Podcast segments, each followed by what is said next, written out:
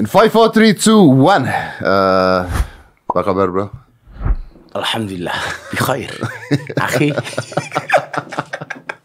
Anyway nih, kita nih kepengen Gimana bahas puasa lu? Eh ya begitulah bro, puasa Tapi harusnya kan lu ada di Jakarta Tapi nggak bisa Iya, PSBB kemarin gua janji sama lu terawih kita di sini. semuanya pada berantakan Anyway, eh, kita nih mau ngebahas tentang Didi Kempot Dan Hmm. udah minta izin juga ya sama istrinya ya Udah eh, atas persetujuan dengan istrinya juga Eh, saya pengen kemudian kisah hidup beliau ini menginspirasi semua orang. Betul Dengan dengan apa namanya cara yang tepat. Dengan cara yang tepat Eh, banyak hal lah yang bisa kita bicarakan karena beliau memang inspirator. Tapi yang pertama dulu bro, Hmm. ini yang heboh di mana-mana Agama beliau itu apa? Beliau sejak 1997 sudah Islam. 1997 sudah Islam Sudah Islam karena, Karena- menikah. Karena namanya kalau nggak salah eh, Don apa? Donasius. Donasius ya. Ah, Dionisius. Dionisius. Dionisius. Nah, itu sekarang KTP beliau itu di Surakarta. Surakarta dan beliau sudah mualaf. Dan mohon maaf saya klarifikasi. Foto yang beredar yang Ah, iya. beliau di dalam peti ada foto beliau itu peti. hoax. Coba di zoom itu bukan wajah beliau. Dari pulang dari rumah sakit, disolatkan sampai berangkat ke pemakaman dilakukan secara Islam. Jadi itu hoax. Itu hoax. Gila, kenapa ada orang bikin hoax? Maka tentang- saya kemudian begini, begini. Kenapa kemarin saya posting? Eh, saya harus mengatakan dengan tegas bahwa beliau Muslim. Inilah kelemahan orang plus 62. Orang mati orang ribut yang diributin soal agama. So- soal agama. Padahal agama beliau jelas gitu loh. Agama beliau jelas. Kan kasihan keluarganya. Kasihan keluarganya. Bahwa kemudian beliau beragama itu kemudian diramaikan di di medsos. Beliau muslim. Dan beberapa kali pengajian di pondok dan sering beberapa kali manggung sama saya di pondok. Ya itu dia, makanya begini kan maksud gua gini, oke beliau muslim ya, eh, alhamdulillah. Hmm. Dan Ini beliau puasa. tahu. dan beliau puasa. Puasa. Nah, gini, seandainya misalnya beliau tuh non muslim juga Ah. harusnya yang ketika meninggal udahlah jangan ngebahas itu dulu, bahas Ya, nah. kita doakan yang terbaik lah gitu. Iya. Kenapa kemudian kita malah ribut ini ini, ini di grup WA, di Facebook, Instagram, alamak itu. Gak kasihan. Maka saya cuma bilang tolong doa terbaik untuk beliau. Ya, Lu kenal banget kan ya? Kenal pakai banget itu loh. Bahkan di beberapa tempat kalau saya kadang-kadang turun dari pesawat, lupa kalau saya Gus Nah, masih di Kempot. Ya Allah itu loh. Ya karena memang kita dekat itu. Karena kita sering manggung. Saya tahu sejarahnya beliau. Dan beberapa eh pas di Ponorogo yang ramai banget itu, dia kan bilang, "Terima kasih ya Gus, saya sekarang bisa kembaliin gini gara-gara doanya Gus Miftah." Beliau yang mengatakan. Itu karena waktu itu eh, pas rame-ramenya kita itu, dia telepon, "Gus, saya tuh sering lihat YouTube-nya Gus loh. Mbok saya didoakan ikut-ikutan viral." Itu satu atau dua bulan sebelum beliau betul-betul hit lagi. Itu kan beliau itu kan nama Kempot nih ya, buat Ah. orang yang nggak tahu nama Kempot itu kan uh, artinya penyanyi jalanan ya kalau nggak salah. Kempot itu komunitas pengamen trotoar. Ya, komunitas pengamen Ah, trotoar. karena memang beliau dulu hidupnya di trotoar, Betul. tidurnya di trotoar. Betul. Dan lagunya dia itu yang pertama itu hebohnya di Suriname. Di Suriname, orang-orang Suriname hari ini heboh dengan meninggalnya beliau. Jadi beliau tidak hanya terkenal di Indonesia, bro. Beliau pernah bilang sama saya, Gus, kita kita kapan-kapan bareng ke Suriname ya. Waktu saya menolak gara-gara apa penerbangannya, bro. Waduh, panjangnya Berapa lama tuh? Dari Belanda itu masih separuh. Wah, Gila. kita ke Belanda, dari Belanda ke Suriname masih separuh lagi katanya. Gila. Itu kita kita kapan-kapan dua di Suriname. Dan itu yang menarik, Bro, karena karena lagu Dan beliau dia tidak hanya sekali, berulang kali di Suriname. Nah, itu- Bahkan tidak hanya orang Jawa yang suka. Orang Suriname yang non Jawa juga cinta sama Betul sekali dan lagunya dia itu yang pertama gue lupa lagunya apa tapi yang heboh itu malah bukan di Indonesia di Indonesia malah nggak ada yang dengerin pada saat Hmm. Ah. itu di Surinamenya gila udah gitu stasiun radio Belanda juga muterin Ah. lagu-lagu dia jadi hitsnya di Belanda dan di Suriname Nah, ini bagi saya lebih dari seorang legend maestro dia ini. iya benar Di di di komunitas itu loh ya. Ini bagi saya luar biasa. dan beliau ini kalau tidak salah beliau ini adiknya Mami Prasetyo Mas Mami. Ah, Mas Mami Mami. Prasetyo Mami Prasetyo yang almarhum pelawak Sri Mulat. Iya. Yang jelas eh, beliau sampai hari ini kalau tidak salah sudah menciptakan 800 judul lagu. 800 800. Ini nggak main-main, Bro. Nggak main-main. Artinya saya banyak belajar dari kesederhanaan beliau. Iya. Orangnya humble, mau bergaul dengan siapa pun. Maka begitu saya kemarin berangkat ke Jakarta, ya kan? Karena ada hal urgent yang harus saya lakukan. Pagi harinya saya belum tidur dapat berita itu, langsung saya shock, Bro. lu lu lu lu sedekat apa sama dia sih gimana ya? Beliau sering telepon, sering curhat. Terakhir kita manggung dua bulan yang lalu di Kendal. Beliau bilang, Gus, secepat mungkin saya harus ngaji ke pondok lagi. Kemudian kita dia pengen umroh. Oke. Dia bilang begitu. Oke. Dan belum sempat umroh kan? Dan belum sempat umroh. Maka nanti saya niatkan kalau saya kemudian umroh, saya batalkan untuk beliau. Jadi umroh saya untuk beliau gitu. Karena beliau sudah tidak ada. Saya begini bro ya. Saya kemarin agak menangis itu begini. Yang paling membuat saya sedih. Saya punya tiga kawan. Semuanya seniman. Dan orang-orang luar biasa. Meninggalnya usianya hampir sama. Siapa ini? Yang pertama, Ki Ento Susmono. Eh, Yang pertama, almarhum Bugiakso yang pertama. Dan meninggalnya ketika saya ngaji di Taiwan. Lebaran, hari kedua. Beliau hari pertama sholat id, siang masih terima tamu, habis isak dia nonton film sama keluarganya, jam 11 malam pulang minta dimasakin rawon sama istrinya, makan, masuk kamar, nggak ada. Beliau cucunya Jenderal Sudirman, cucu Oke, mantu. oke. Nah, itu, mendadak. Usia 52 tahun, masuk 53. Yang kedua, almarhum Ki Ento Susmono. Hmm. Eh, legenda dalang ini? di Indonesia. Oh, legenda dalam. Meninggalnya usia? Meninggalnya usia 52 tahun. Dan dua orang ini sama-sama dekat dengan saya. Dan meninggalnya juga dadakan. Sehari sebelumnya masih telepon saya. Lu tahu nggak bahwa Mami Prakoso eh, meninggalnya di usia yang sama juga? Itu saya yang sama juga. 53 tahun juga. Jadi meninggal di usia yang sama dengan Didi Kempot. Tempat masuk 53 ya. 53 ya, masuk 53. Itu almarhum Ki Endo. Sama mendadak. Habis pengajian, habis asar. kasusnya sama, masuk rumah sakit nggak ada. Dan hari ini saya harus kehilangan kehilangan sahabat saya masih di Kempot. Dengan cara yang mendadak. Sama usia 52 masuk 53. Tiga orang bro. Ini artinya apa? Ini kita tidak bisa kemudian ah saya masih populer, saya masih viral, saya masih jadi orang top You usia can saya be masih taken segini. out anytime ya. Yes, kapan pun kita harus Eh, siap. gue juga gak ngerti ada Sampai apa saya dengan bilang sama istri Ya. saya, sampai bilang sama bunda, bunda, belajar dari itu. Teman-teman abah dekat semuanya dipanggil yang dalam yang yang, keadaan yang lu nggak tahu eh, maksudnya nggak ada gini loh tidak ada tanda-tanda sakit eh ini ini covid bukan bukan kan Bukan, Mas Yudi nggak karena keluar beritanya pertama-tama Oh, covid Bukan. ini banyak banget Eh, yang saya aneh nih Saya tadi pagi chatting sama istri beliau. Saya bilang, Mbak, eh saya bilang bukan Mbak, Nduk. Mas Didi Kempot itu kan tidak pernah curhat sama saya soal sakitnya. Iya. Sebenarnya beliau sakit apa sih? Memang dua tahun terakhir beliau merasakan sesak, sesak nafas. Tapi itu bukan penyakit macam-macam, cuma sesak biasa itu. Iya. Dan selama itu luar biasanya almarhum ini bro, diajak ke rumah sakit, beliau nggak mau. Alasannya apa? Nggak mau nyusahin orang, nggak mau nyusahin orang. Maka hari ini kita semuanya punya harapan sebenarnya. Bagaimana kemudian besok kalau kita mati seperti mereka-mereka ini nggak nyusahin orang. Karena hari ini banyak kalau kita mati itu banyak nyusahin orang gitu loh itu dia memang benar nyusahin orang, ngabisin harta ke semuanya, baru meninggal. Kita semuanya berharap. Artinya saya kemudian kayak orang almarhum Ki Entus, Bugiakso, Mas Didi Kempot. Ini bagi saya orang-orang baik yang kemudian oleh Allah dikasih kemudahan untuk kembali kepadanya. Tidak dengan cara yang nah bro tapi ada apa dengan tahun ini ya banyak musibah, banyak orang-orang hebat meninggal dunia. kalau yang kita lihat Seminggu yang lalu, guru kita dari Martapura, eh, dari Kalimantan Selatan, Guru Zuhdi, yang meninggal di Jakarta dibawa pulang ke Kalimantan Selatan itu. Masya Allah. Glenn Fredly kemarin Glenn Fredly. Ashraf Sinclair Asraf Sinclair. Nggak terprediksi semua, bro. Dan meninggalnya tuh yang beneran tidak ada sakit nggak Dadakan semua. Iya, Glenn Fredly ada sakit tapi kita nggak tahu sih. Tapi bisa dadakan semua. Itu artinya bahwa nih kita yang lagi seger-seger gini, Ah. ngobrol dan sebagainya, tiba-tiba besok mati bisa kan, Bro? Kalau dalam kajian agama begini, Dul. dalam satu hari semalam, malaikat Israel itu mendatangi kita sebanyak 70 kali. Melihat kita itu 70 kali, kata Rasulullah. Artinya kalau sehari semalam 24 jam, minimal dalam satu jam, dia itu mendatangi kita 2 sampai 3 kali, bro. Maka kemudian dalam Al-Quran, kalau kita belajar agama, dia mengatakan, Allah mengatakan begini. Qul innal mautal ladzi tafiruna minhu fa innahu mulaqikum. Katakanlah, sesungguhnya yang kematian itu kamu lari dari-nya. Fa innahu mulaqikum. Dia akan menjumpaimu. Ya nggak bisa lari. loh. Nggak bisa lari. Kita hari ini nggak bisa. Gua paling populer di YouTube, paling Wah. populer di Instagram. Ah, Selesai. selesai. Mati itu kan rahasianya Tuhan. Rahasia kematian itu ada tiga. Rahasia waktu, rahasia cara, rahasia tempat. Ya. Waktunya kapan? Pagi, siang, sore pantas. Pagi mati pantas. Yang menakutkan kita, kita tidak tahu itu tuh. Ya. Kedua rahasia apa? Rahasia cara. Caranya gimana?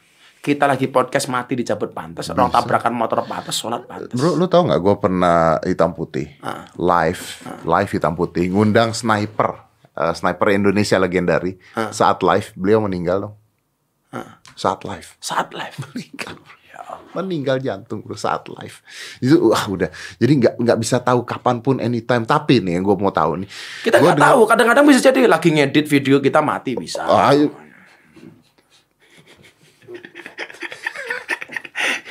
Tapi bro, nih. Ya kita doakan Agus panjang umur. Iya betul. Jadi orang sedunia mati dia hidup sendiri. Ya. Ferry panjang umur juga Ferry ya. Ferry ya. Ntar nggak nge-switch kamera pusing gue.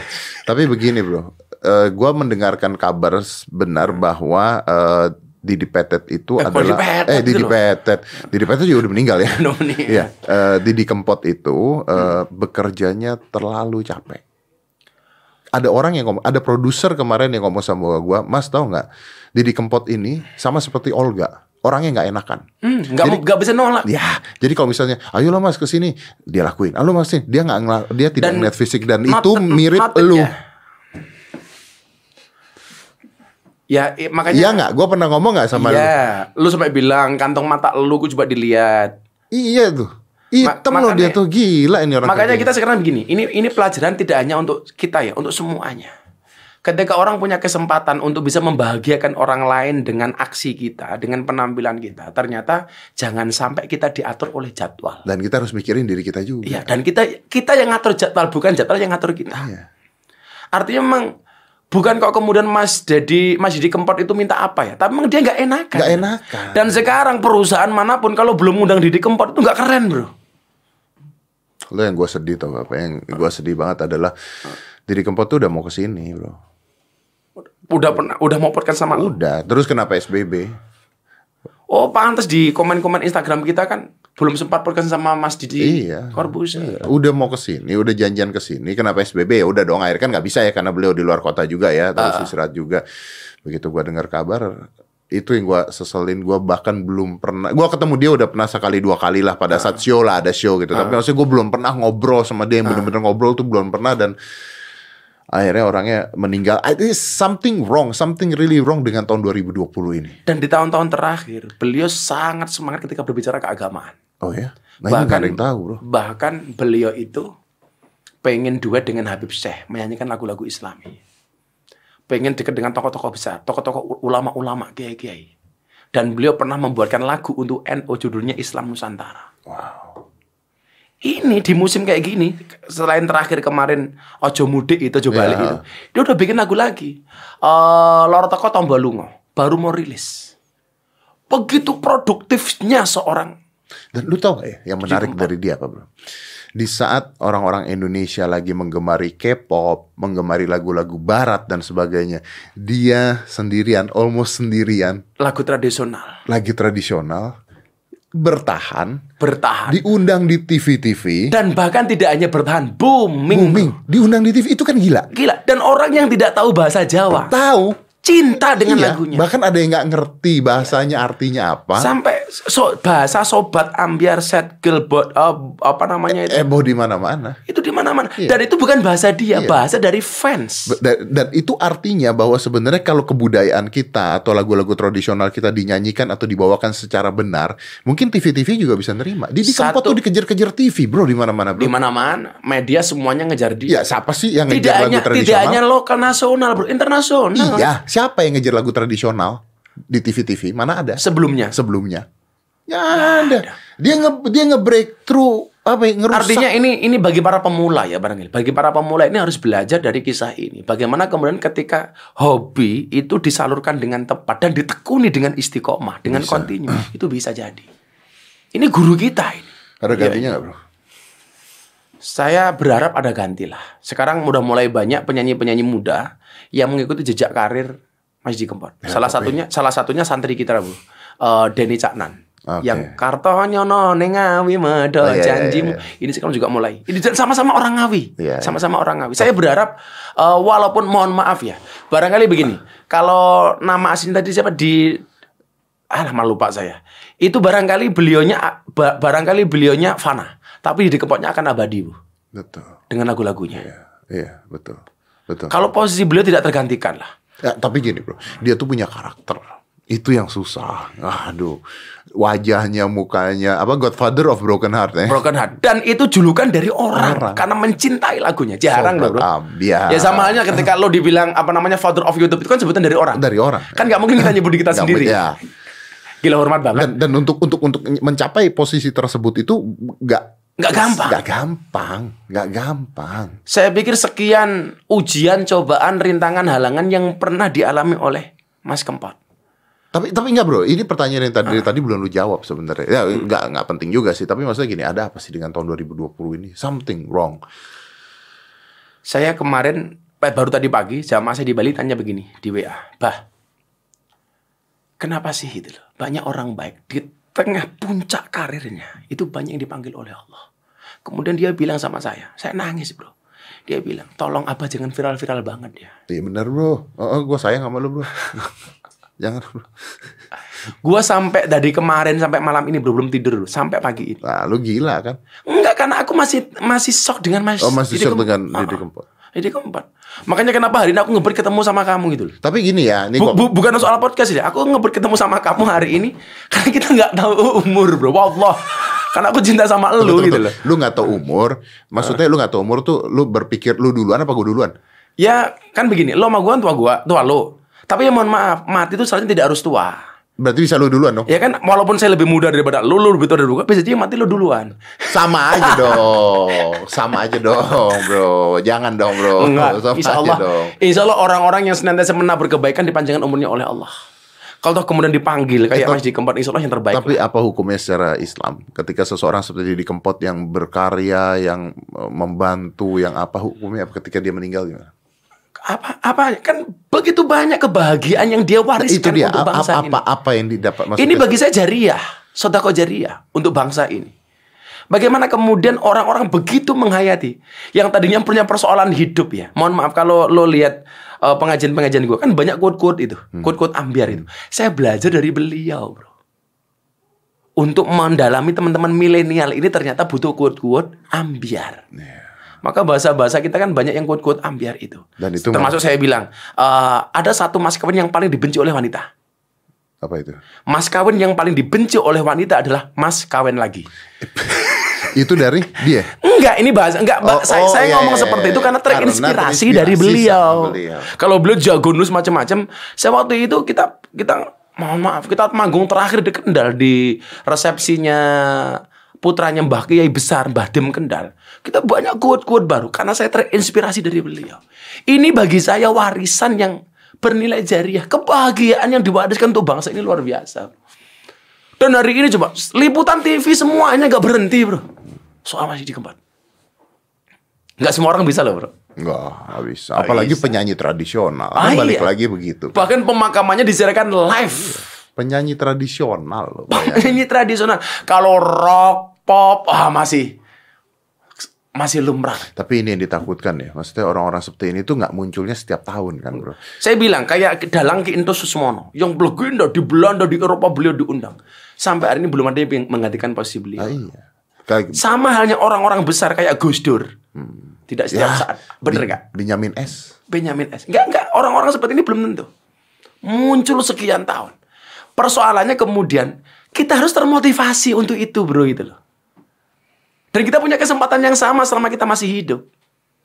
Selama kebaikan-kebaikan itu kita lakukan, kita bisa seperti mereka. Bener nggak? Iya benar, benar. Aku, Corbuzier, semuanya punya kesempatan yang sama. Bener. Sebelum kita dipanggil oleh Allah. Tapi sekarang gue mau nanya sama lu bro Lu bicara jadi kempot seperti itu nggak enakan dan sebagainya Gue sempat ngobrol sama Gini ya Gus Miftah ini gila banget ya Gue Ini beneran loh Gue tuh peduli sama dia Gue sampai ngomong Bro udah bro kurangin Dia tuh nggak enakan Sama orangnya nggak enakan Jadi kalau misalnya di, eh, ceramah di sini Ya kan dakwah di Kita- sini Kita, kita buka-bukaan supaya teman-teman tahu ya. Teman-teman Mas Semua Jadi tahu. diambil sama dia Bukan. Bukan duitnya Bukan gara-gara duitnya Enggak. Kalau semua diambil gila lagi, Bro. Kamu tahu nggak? Dari tiga asisten pondok yang nerima jadwal, HP mereka per HP berapa permintaan jadwal yang masuk tiap hari? Berapa? Satu hari per HP itu ada yang 150 ada yang 200 permintaan. Artinya sehari itu minimal ada 500 permintaan. Dan harus milih Di luar yang datang ke pondok langsung. Artinya kalau 500 saja, satu bulan berarti berapa? 15.000 ribu permintaan. Kalau seribu saja saya setiap tahun ngaji, berarti 15 tahun permintaan satu bulan habis bro. Dan ini saya harus milih. Milih saja waktu saya sudah habis. Maka saya sangat bersyukur, walaupun selama COVID ini sudah saya cancel 300 jadwal lebih. Saya bersyukur ada quality time untuk keluarga saya bisa istirahat sesuai yang lu mau kan.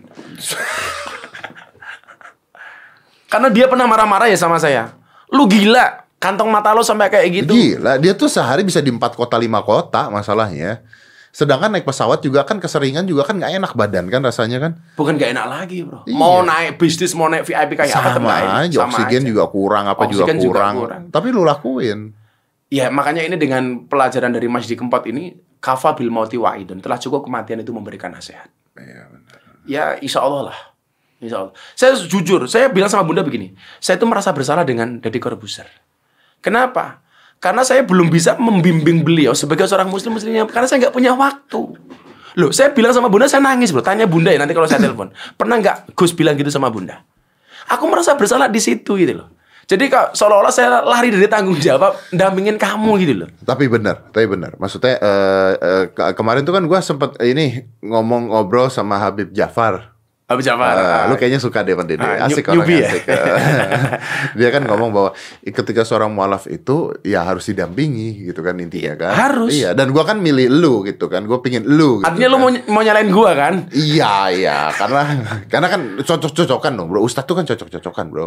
Iya. Ya kan? Artinya ya semua ustadz itu baik. Baik, Tapi, tapi kan, kan hati cocok- tidak bisa Oh diingkari. iya, semua guru juga baik. Semua tapi guru kan ada baik. guru favorit. Dan gua pernah bilang sama lu, nggak usah banding-bandingin ustadz. Iya. Dengan siapa pun kita boleh belajar. Boleh. Jadi salah kalau orang mengatakan, wow, Deddy Corbuzier dikup sama Miftah.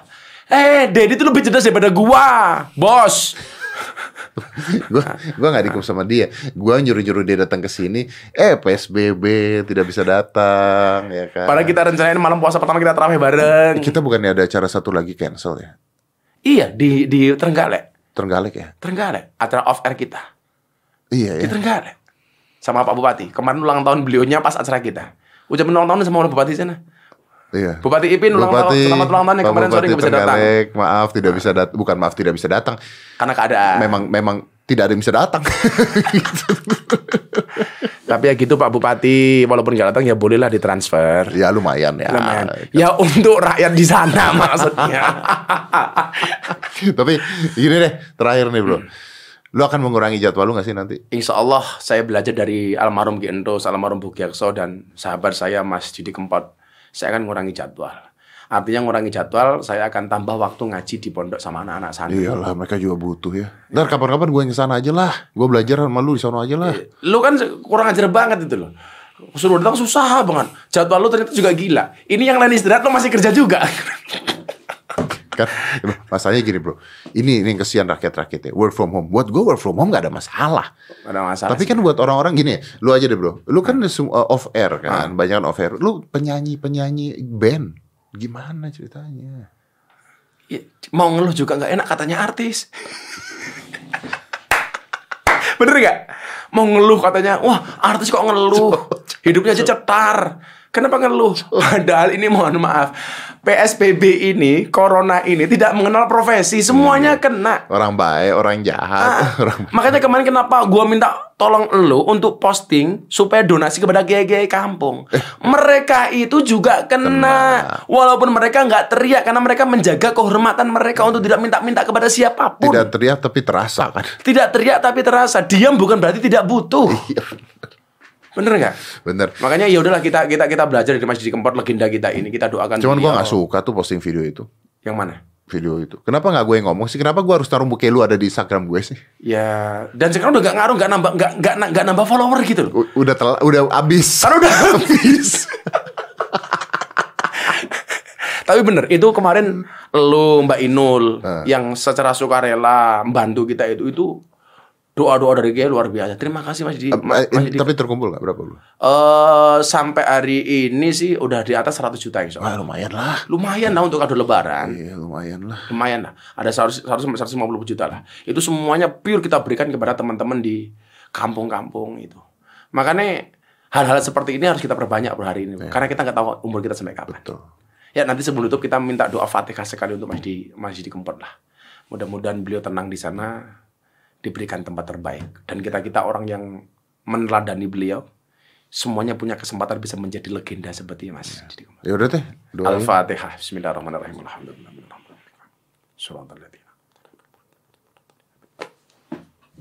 Ya, terima kasih bro. Jaga puasanya Amin. Kita kapan ketemu lagi? Secepatnya, Secepatnya ya. secepatnya. Dan salam dari Pak Menteri. Oh iya tuh. Kita doakan Kita beliau. ngobrol sama beliau yuk. Harus. Aduh Dan kesian. beliau itu orang yang Luar biasa. subhanallah mendapatkan Ini kita bicara tentang Pak Budi Karya ya. Kita bicara tentang Pak Budi Karya. Luar biasa. Ya, one day ya. Kapan-kapan kita Dia harus jalan lagi karena job dia banyak juga. apaan? Emangnya lo? Eh, Ya, makasih loh. sama-sama ya. Bukan. Jangan jangan lupa Bukan makasih ya. apanya? Bajunya Anda lagi. Jangan lupa lebaran kirim kado ya. siap, siap, siap. Saya kirimkan segera. Thank you, bro. Oke. Five, four, three, two, one. Close the door.